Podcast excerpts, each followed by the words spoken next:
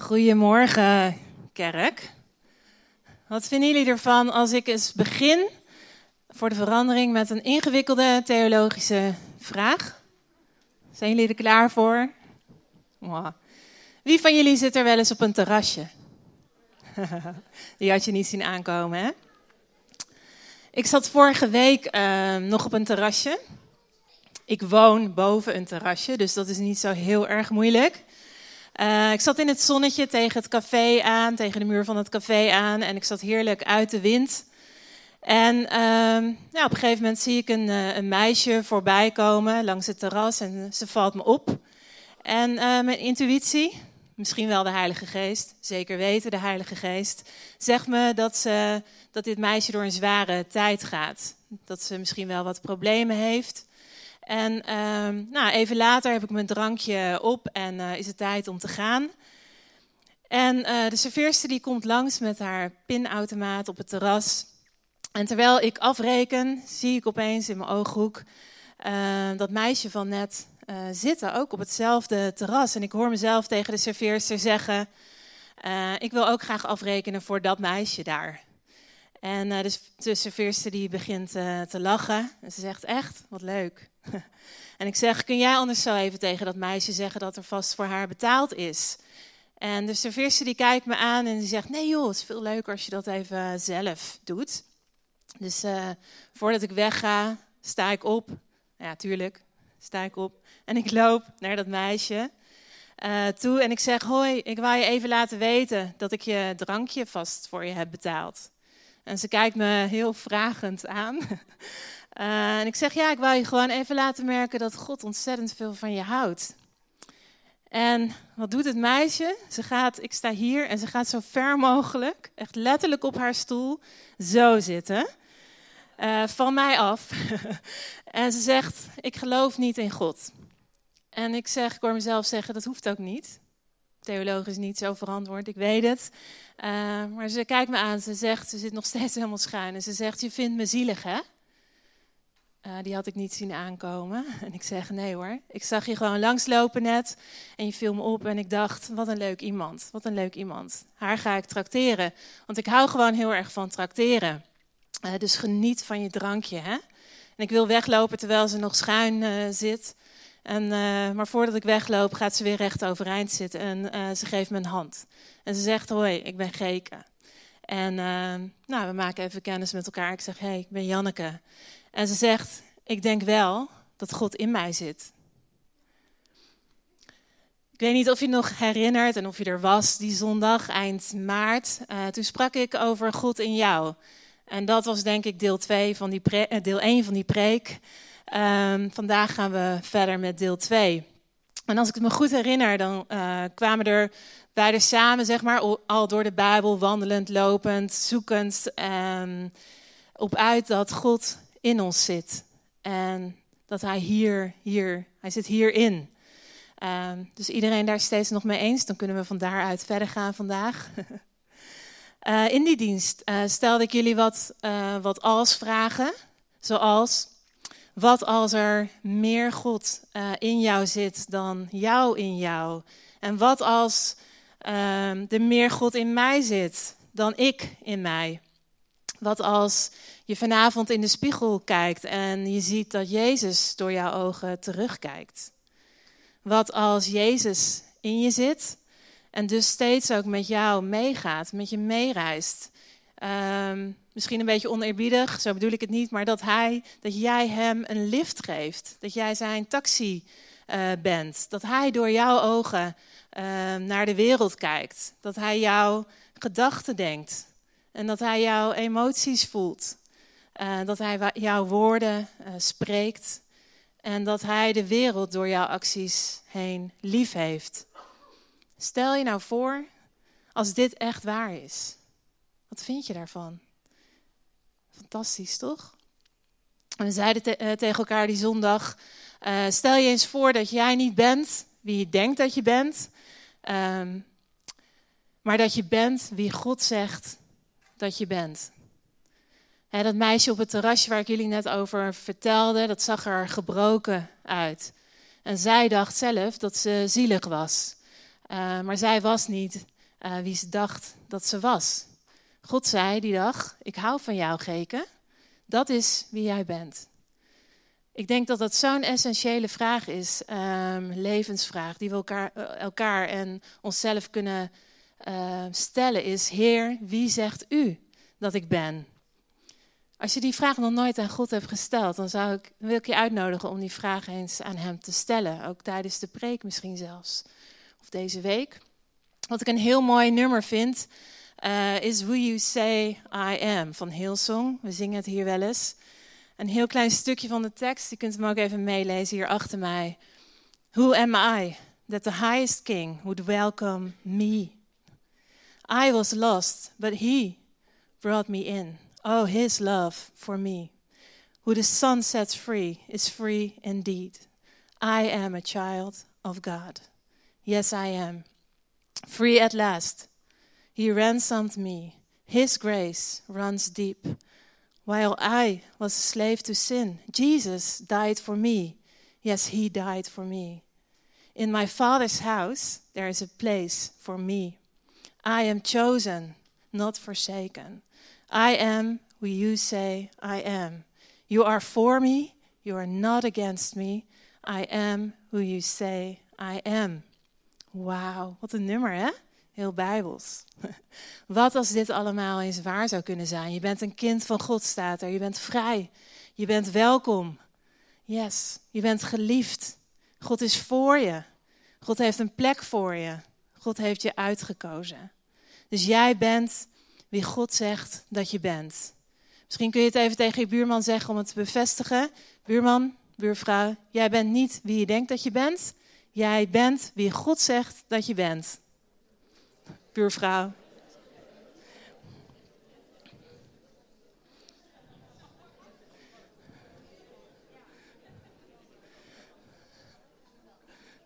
Klonk het overtuigend? Genoeg. Het mooie aan God vind ik dat um, Hij ons al langer kent dan wij onszelf kennen. Hij kent je al vanuit de eeuwigheid. Hij heeft je gemaakt met een plan en uh, in gedachten. En iedereen die op deze planeet uh, rondloopt, geldt datzelfde voor. En als Hij naar je kijkt, naar ons kijkt, dan ziet Hij wie je echt bent. En als ik zo rondkijk hier in de zaal, zie ik dat de meesten van ons zichzelf toch wel ongeveer 19 jaar kennen. Uh, dat is best lang. En toch zien we elkaar uh, of uh, onszelf beperkt en incompleet. Maar gelukkig kent God het hele plaatje. En Hij wil vandaag, heb ik het idee, spreken over wat Hij ziet in jou.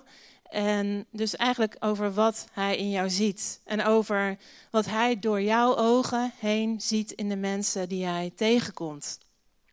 Dus ik wil je vragen om jezelf uh, te openen naar God en je hart ja, als het ware wagenwijd open te zetten voor Hem. En uh, vandaag naar mijn verhalen te luisteren met je hart.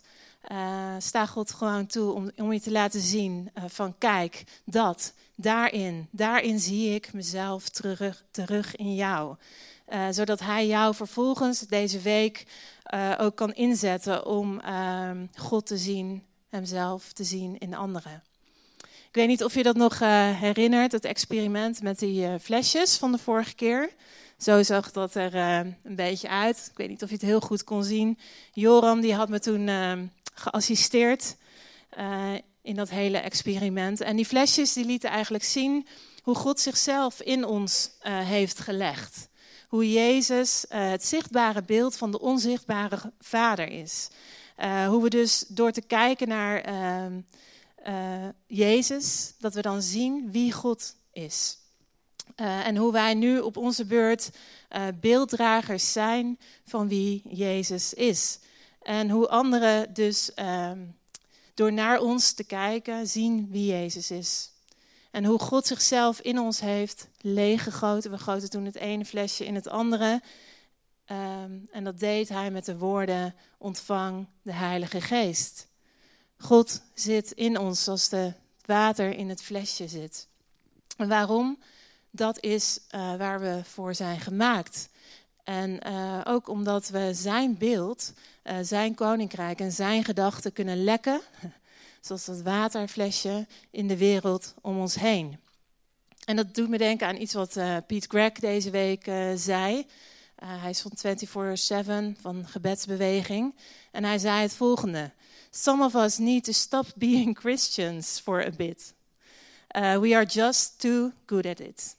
He calls us to abandon the familiar comforts of Christianity, to strike out into the unknown and rediscover Jesus. We need to get back to that place uh, where we are so passionate by His actual presence in us that we will do anything, go anywhere, say anything He tells us, whenever. Wat een uitspraak, hè? Dus wat hij zegt is: kom terug naar je passie. Passie voor de aanwezigheid van God. God in ons. Weet je, Jezus uh, heeft christen zijn niet bedoeld uh, als dat het voelt alsof je langzaam maar zeker doodgaat. Alsof, alsof je jezelf kapot werkt. Nee, hij heeft het zo bedoeld uh, dat het natuurlijk voelt, dat het automatisch dat het een automatisch overstromen is van wat, of eigenlijk beter gezegd, wie er uh, binnenin jou zit. Van God dus. We mogen van God lekken die in ons zit. Dan heeft christen zijn alles te maken met gewoon jezelf zijn. Je mag gewoon jezelf zijn. Yes, eindelijk. Je mag zijn wie God zegt dat je bent. Hoe leuk is dat? Ik wil, wil, jullie even een verhaal vertellen over een nichtje van mij. Eigenlijk een nicht, ze is twee jaar ouder dan ik. En ze heet uh, Tineke. En ze is fotograaf. Um, ik zie de, sommigen van jullie denken, hé, hey, jouw moeder heet ook Tineke. Uh, mijn moeder die heeft een tweelingzus en die heet Janneke. Mijn moeder heet Tineke. En het grapje in onze familie is dat, nou ja, dat uh, hun dochters ook dezelfde naam hebben gegeven. Dus mijn nichtje Tineke, dat, uh, dit is haar. En ik volg haar uh, op Instagram. Nee Job, ik zit nog steeds niet zelf op Instagram, hoe hard je het ook vraagt. Um, ze maakt prachtige foto's. Ze is echt heel goed, Tineke, in wat ze doet. Want ze heeft ja, gewoon heel veel oog voor om uh, het mooie zeg maar, van een uh, moment en ook de emotie van zo'n moment in haar foto's te kunnen vangen. Dat vind ik echt uh, eh, super knap van haar. En ze krijgt heel veel opdrachten van mensen door het hele land heen om foto's te maken van bruiloften, kinderen, verlovingen, geboortes, families. Um, en als ik naar Tineke kijk, zie ik hoe sterk haar creativiteit uh, verbonden is met wie zij is als persoon. En als ik naar haar foto's kijk, uh, dan raakt het me uh, elke keer weer hoeveel ik van haarzelf terugzie in die foto's. Je kunt er een paar uh, zien. En dan bedoel ik dus niet dat zij de hele tijd selfies van zichzelf maakt en dat ik daar, haar daarin terugzie. Maar dan bedoel ik bij alle foto's die ze maakt, dan zie, die ik zie, uh, dan denk ik, hé, hey, dat is zo Tineke. Dat is typisch Tineke. En dat is eigenlijk een hele gekke gedachte misschien. Want hoe kan een foto van Tineke, of die Tineke maakt, nou op Tineke lijken? En ik weet ook niet precies hoe dat uh, werkt. Uh, ik denk dat het te maken heeft met een bepaalde vibe, een stijl die ze heeft, een gevoel dat ik krijg bij de foto, uh, net als bij Tineke zelf, als ik haar ontmoet. Je ziet Tineke terug in al haar foto's. En ik dacht, ja, hetzelfde geldt voor ons vandaag als Gods schepping. Hij heeft ons niet alleen mooi gemaakt, hij heeft zichzelf in ons gelegd. Dus stel je voor dat er iemand naar Tineke toekomt en zegt: Tineke, wat een afschuwelijke foto. Wat doe je dan? Je beledigt haar. Je beledigt uh, de maker. Uh, als je haar een compliment zou willen geven, dan uh, kun je beter iets zeggen als: Tineke, wat heb jij dit prachtig vastgelegd in deze foto? Weet je, ik zie jou terug in deze foto. Efeze 2, vers 10 uit de MBG. Wij zijn Gods maaksels. Wij zijn Gods foto's in dit voorbeeld. In Christus Jezus om goede werken te doen, die God tevoren bereid heeft, opdat wij daarin zouden wandelen. Dus jouw maker, onze maker, heeft zichzelf in ons gelegd. God zit in ons. Hij zit in, in jou om goede werken te kunnen doen. Een goede vraag om te stellen, maar hoe werkt dat? Hoe kun je uh, God in jezelf ontdekken en hoe kun je God in anderen ontdekken? Hoe kun je je bewust worden van Zijn aanwezigheid in jou? En ook hoe werkt dat dan bijvoorbeeld met uh, trots en nederigheid? als God in je zit, je wilt ook niet naast je schoenen gaan lopen, uh, omdat je weet, hey, God, God zit hier in mij, God woont in mij. Dus ik dacht, misschien kunnen we heel kort eventjes ehm, kijken naar trots en nederigheid en hoe dat uh, werkt. En ehm, als ik jou zou vragen op een schaal van 0 tot 10 aan te geven hoe goed je over jezelf denkt, dan is 0 nederig en 10 is trots. waar zit jij dan ergens?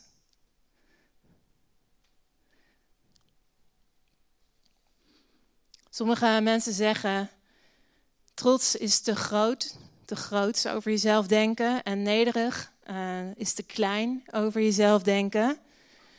Um, ik vroeg me af, wie denkt hier dat het goed is om nederig te zijn en nederig te denken? Tricky question. Als je, ja, als je dat denkt, dan focus je vooral op uh, wat je nog niet kunt of wat je nog uh, moet leren. En op die manier uh, kleineer je jezelf en doe je je kwaliteit eigenlijk tekort. En ehm, ja, dat, is, dat kan niet heel gezond zijn volgens mij.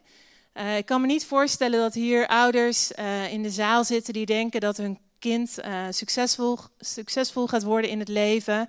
Ehm, door alleen maar te focussen steeds weer op wat ze nog niet uh, kunnen. Nee, ik denk dat we onze kinderen uh, aanmoedigen uh, en vooral benoemen waar ze goed in zijn. En ehm, door de focus, onze focus te leggen op het goede wat we in hen zien. En zo coachen we onze kinderen om nog meer te worden wie ze zijn.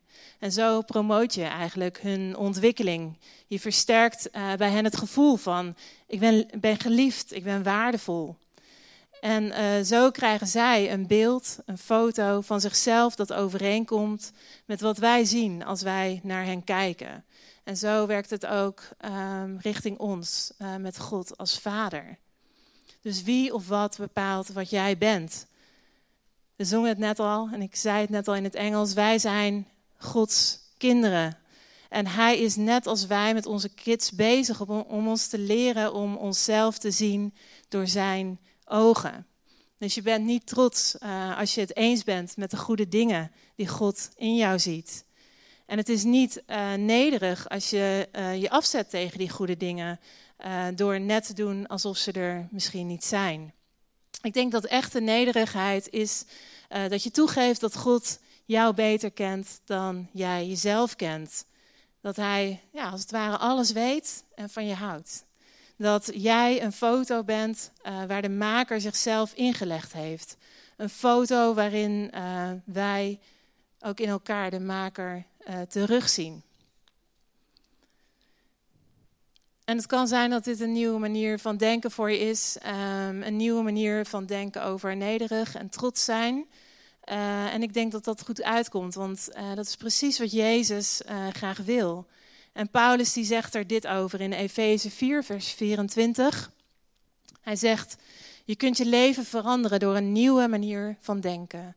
Dit nieuwe leven, dat trek je aan zoals een stel nieuwe kleren aantrekt. God heeft nieuwe mensen van jou gemaakt, van jullie gemaakt. Nieuwe mensen die op Hem lijken. Mensen die helemaal zijn vrijgesproken van schuld en die nu bij God horen. Dus nou hoor je het dus van een ander. God heeft uh, nieuwe mensen van ons gemaakt die op Hem lijken. Dus ik zeg niet hè, dat, God, uh, dat je op God lijkt. Paulus die zegt het. En als Paulus dingen zegt, dan neem ik ze altijd maar voor waar aan. Dus zullen we dat ook vandaag doen.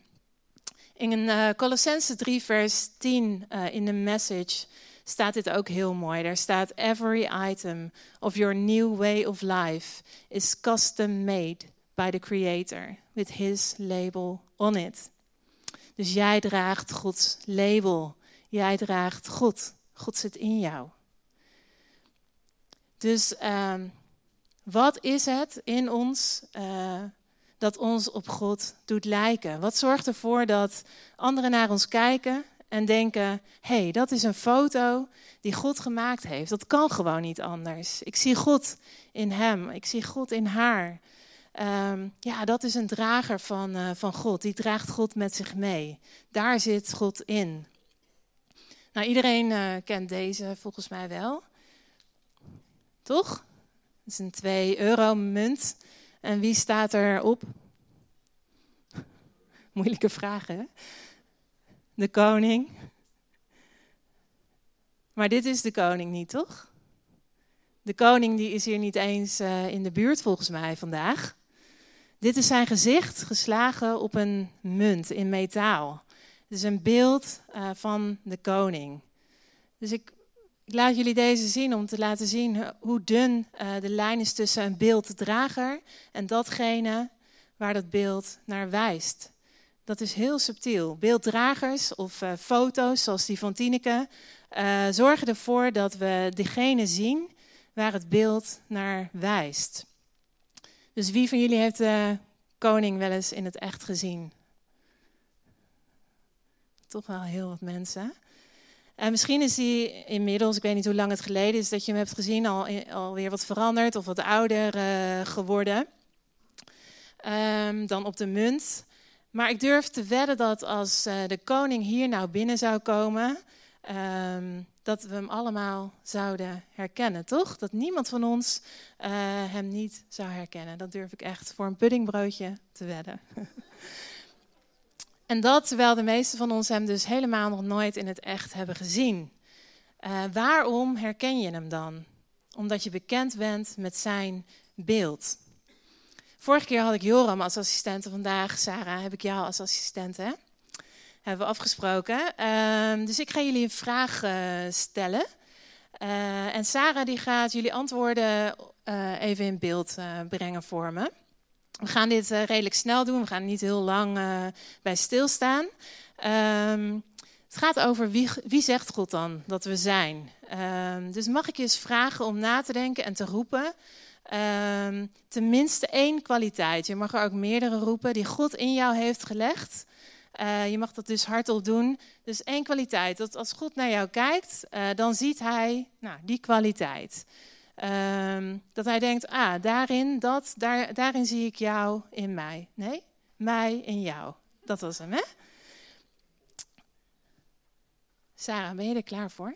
Oké, top. Jullie mogen kwaliteiten gaan roepen. En ik weet dat het heel lastig is om over jezelf kwaliteiten te roepen. Dus je mag hem ook over je buurvrouw of iemand die je ver weg in de zaal ziet uh, doen. Maar wat? Creativiteit. Heel goed.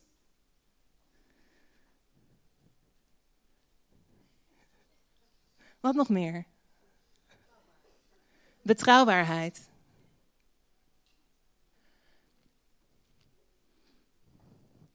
Je mag even opzij kijken. Wat zie je?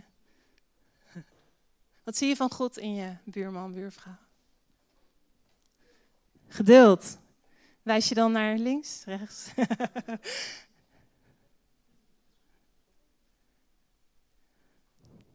Wat zien we nog meer? Vriendelijkheid en passie. Als je naar rechts kijkt, hè? Ja, ja. Ik zie het ook hoor. kunnen er nog wel wat meer bij, denk ik. Wat zie je nog meer van God in je buurman, je buurvrouw? Liefdevol. Een groot hart. Heel mooi. Zeker. Hij overziet. En ik hoor Job zeggen relaxed. Lijkt je toch meer op God dan, uh, dan je dacht, hè Job? Zijn er nog andere dingen die je ziet? Vastberadenheid. Heel mooi, Anna. Ik zie het ook. Moeilijk woord. nou, nog twee. Wat zien we nog meer? Volharding, hoor ik. Ja, volharding. Opoffering. Heel mooi. Je kunt waarschijnlijk nog, uh, nog veel meer dingen bedenken, maar we laten het even hierbij. Misschien kunnen we hem zo tijdens de tijd van bediening ook nog eventjes laten zien. Kun je het bijhouden, Sarah? Dankjewel, hè? Heel mooi gedaan. Oké, we gaan door um, naar Colossense 2, vers 9 en vers 10. En daarin staat: In de mens, Jezus, woont God zelf. En als jullie één zijn met Jezus, dan woont God zelf ook in jullie. De MBV die zegt het wat ingewikkelder. Die zal ik ook even voorlezen. Want daar staat: Want in Jezus is de goddelijke volheid lichamelijk aanwezig.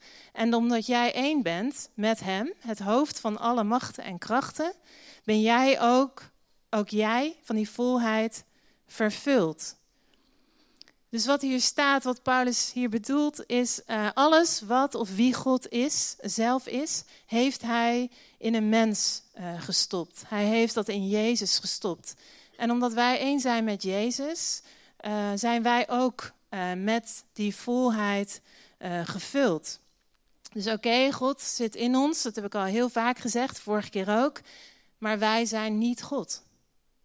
Zoals Greken misschien wel bedoelde, dat meisje op het terrasje. Nee, God woont in ons, uh, hij zit in ons en wij dragen God de hele tijd met ons mee.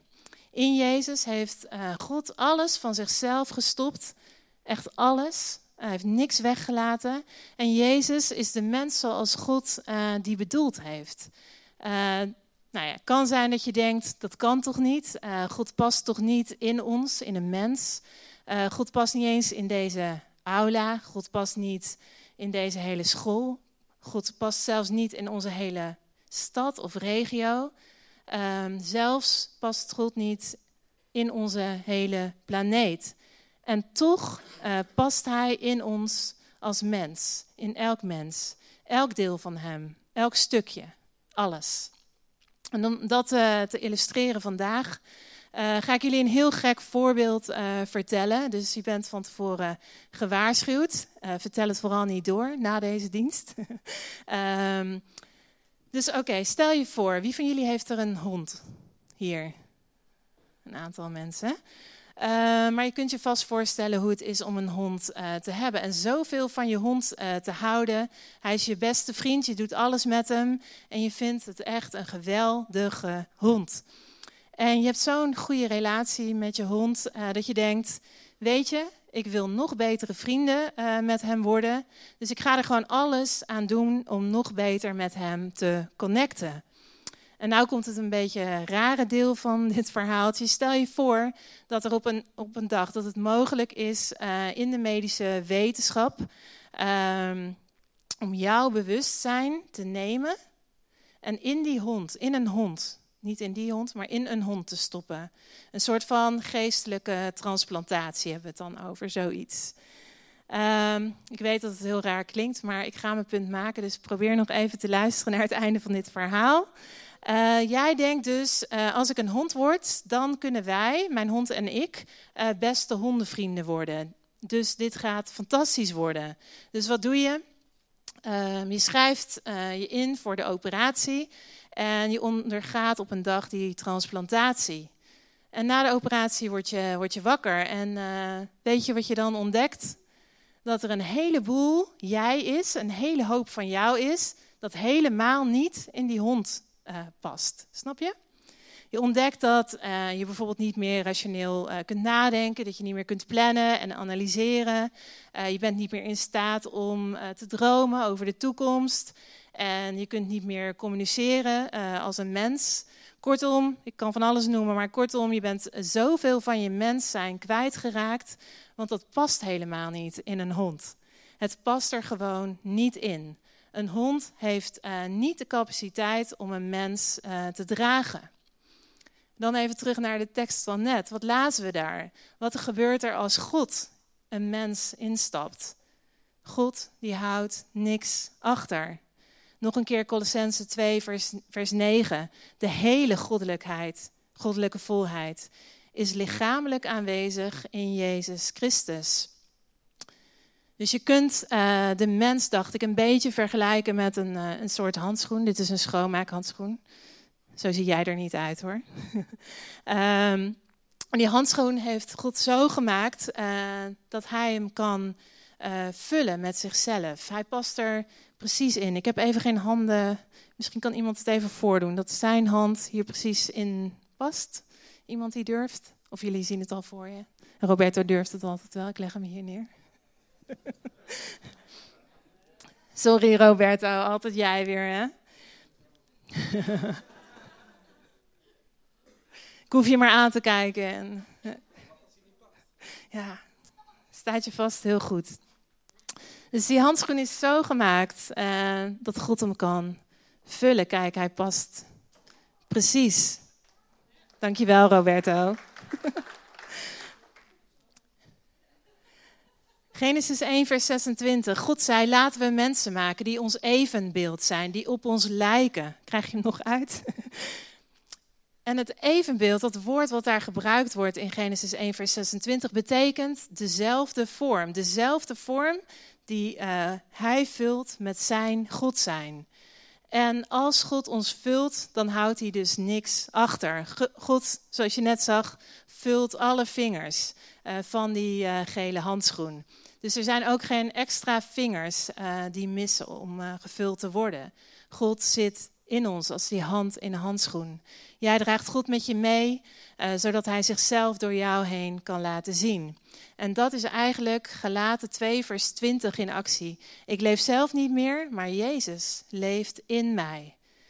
Wij zijn, jij bent een levende, ademende, uh, vlees en bloed foto of beeld van wie God is. Jij laat zien wie Hij is. Hij zit in jou. Dus wij zijn niet God, maar we kunnen wel ervaren hoe God is, hoe Hij is, wie Hij is. In 1955 woonde uh, er in Kansas, in Amerika, een vrouw. En zij heette Elizabeth Hansen. En op een dag was ze bezig, zoals wij allemaal wel eens, om uh, haar kast uh, op te schonen. En tussen alle kleding zat een heel oud, vies, versleten, afgedragen, een beetje een zielig fluwelen groen jasje. En Elisabeth die dacht bij zichzelf, waarom heb ik dit toch de hele tijd uh, bewaard? Het is onbruikbaar, het is waardeloos, het is oud, uh, het is zielig. En uh, terwijl ze op het punt staat om haar jasje uh, weg te gooien, komt haar zoon binnen en hij vraagt haar, mam, ga je dat echt weggooien? En zij zegt ja. En hij zegt, mag ik het hebben? En zij zegt, hoezo? Het is waardeloos, het is zielig, het is onbruikbaar, het is nutteloos, het is een vies, oud jasje. Hij zegt, ik wil het hebben. Dus hij neemt het mee naar huis. En wat doet hij? Hij knipt het in, uh, in allemaal stukken. En hij pakt uh, zelfs een uh, tafeltennisballetje en snijdt het door midden. En hij begint vervolgens de stukken die hij heeft geknipt van dat waardeloze, onbruikbare, zielige stuk stof weer aan elkaar te naaien. En weet je wat er gebeurt? Elisabeth's uh, groene fluwelen uh, jasje won een Oscar. Haar jasje werd een hit en stond in de top 1 wereldwijd. Haar waardeloze, zielige, onbruikbare groene fluwelen jasje uh, kreeg een, een, rol in verschillende films en tv-programma's. Haar jasje kreeg een relatie met het mooiste varken dat je ooit hebt gezien in de handen van Elizabeth's zoon werd dit waardeloze, onbruikbare, zielige jasje Kermit de Kikker. Nou snap je de tafeltennisbal, denk ik ook, toch? dus wat je ziet is dat haar zoon, uh, die zag hier iets in. Hij ziet er iets in wat niemand anders zag. En weet je wat? Um, het kan zijn dat jij jezelf, net als ik doe, um, net als dat meisje misschien op het terrasje waar ik je net over vertelde, uh, soms zielig, jezelf zielig, waardeloos, onbruikbaar voelt. Uh, net als dat groene jasje, maar uh, onze Jezus, mijn Jezus, ziet iets heel anders in ons. Hij ziet hoe Hij ons gemaakt heeft. Hij ziet hoe Hij ons nieuw kan maken en wil maken. Hij ziet wie we echt zijn, wie jij echt bent. En jij bent niet wie je denkt dat je bent. Jij bent wie God zegt dat je bent. Hij ziet wie je kunt zijn hij houdt van je. Hij giet zichzelf leeg in jou. Hij vult je met zijn volheid, zoals we net lazen. En hij geeft nooit op. Zijn liefde verandert ons door de tijd heen. En dat is ook precies uh, wat, hij, ja, wat hij voor ons doet, kunnen wij ook voor anderen uh, doen. We kunnen naar elkaar en naar anderen kijken en uh, zien dat ze zielig zijn. Maar Jezus roept ons op om verder te kijken, te ontdekken, te zien wat God in mensen heeft gelegd van Hemzelf. Ik denk dat evangelisatie misschien wel niet zoveel meer is dan anderen vertellen um, hoeveel God van hen houdt, hoeveel, God er, hoeveel er van God in hen zit. Want ze zijn niet wie ze denken dat ze zijn. Zoals Geke dacht dat ze zielig zijn, was. Nee, ze is uh, wie God zegt dat ze is. Geke is geliefd door God. God heeft haar gemaakt in de vorm van een handschoen om haar te vullen. Zijn volheid past ook in haar. En net als in ons. God heeft een plan met haar leven en hij wil vrienden met haar worden en hij wil ook in haar wonen. God wil met haar meeliften. En stel je voor, dacht ik vanochtend, stel je voor dat Geke vanochtend met me mee was gekomen naar de Vineyard voor de eerste keer. Met, met welke vragen zou ze hier, denk je, binnenkomen? Wat is jullie theologie over de opstanding? Wat is jullie uh, standpunt over seksualiteit? Allemaal super belangrijk, van levensbelang. Daar hebben we ook een goede theologie over, absoluut. Maar ik denk dat Gekes eerste vraag uh, eerder zal zijn, als ze rondkijkt en hier binnenkomt, zou dit mijn thuis kunnen zijn? Zou ik hierbij willen horen? Zouden deze mensen mij accepteren of vinden ze me zielig? Kijken ze naar mij en vinden ze me zielig? Zouden ze ook van mij kunnen houden als ze echt weten wie ik ben? Eén laatste voorbeeld. Het voorbeeld gaat over een vader en een uh, dochter, dus niet zo heel moeilijk voor te stellen. Uh, de naam van de dochter is uh, Julia en ze is een jaar of acht. En Julia die heeft één favoriete pop. En die pop, daar is ze gewoon echt dol op. En zoals je ziet hier achter mij, haar pop is van porselein. Je ziet het niet heel goed, want ze heeft kleding aan, maar ze is van porselein. En die pop die staat op een tafel midden in de kamer. En elke avond voordat Julia naar bed gaat, mag ze heel even met haar pop spelen. Dan halen ze haar van de tafel en dan uh, wat Julia doet is ze knuffelt die pop. ze pakt haar vast, ze geeft haar kusjes en ze praat tegen haar pop. En op een avond ehm, houden Julia en haar vader een kussengevecht. Wie doet dat wel eens? Hartstikke leuk hè? Voor het gemeenteweekend misschien. um, Ze rennen achter elkaar uh, aan door het huis. En uh, Julia, die op een gegeven moment raakt ze met haar kussen haar vader heel hard op zijn neus. Nou, je weet wel wat haar vader natuurlijk doet. Die rent keihard achter haar aan om haar terug te pakken. En uh, zijn kussen vliegt door de kamer, door de lucht.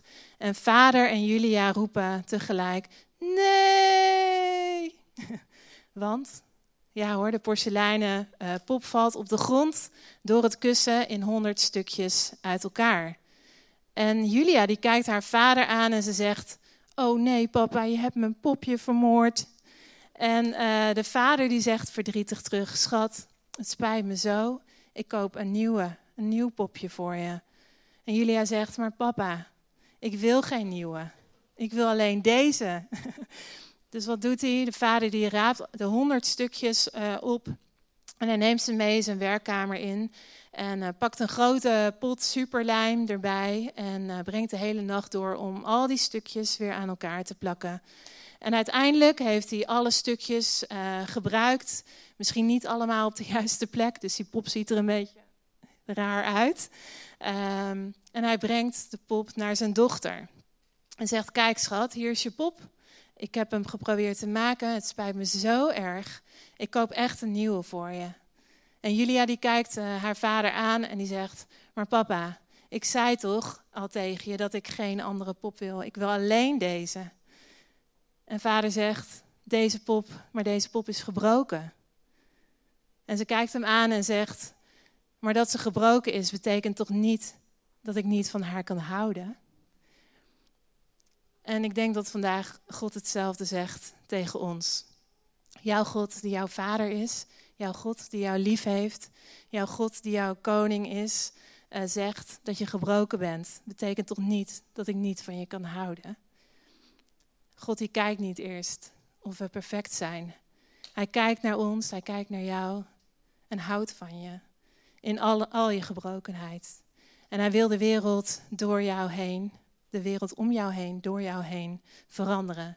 Hij wil je gebruiken om anderen te laten zien dat hij van hen houdt, uh, net zoveel als van jou.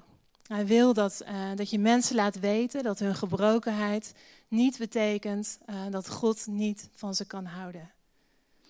En God wil ons ja, laten merken, laten weten dat ook al zijn we gebroken, dat betekent niet dat Hij ons niet kan gebruiken.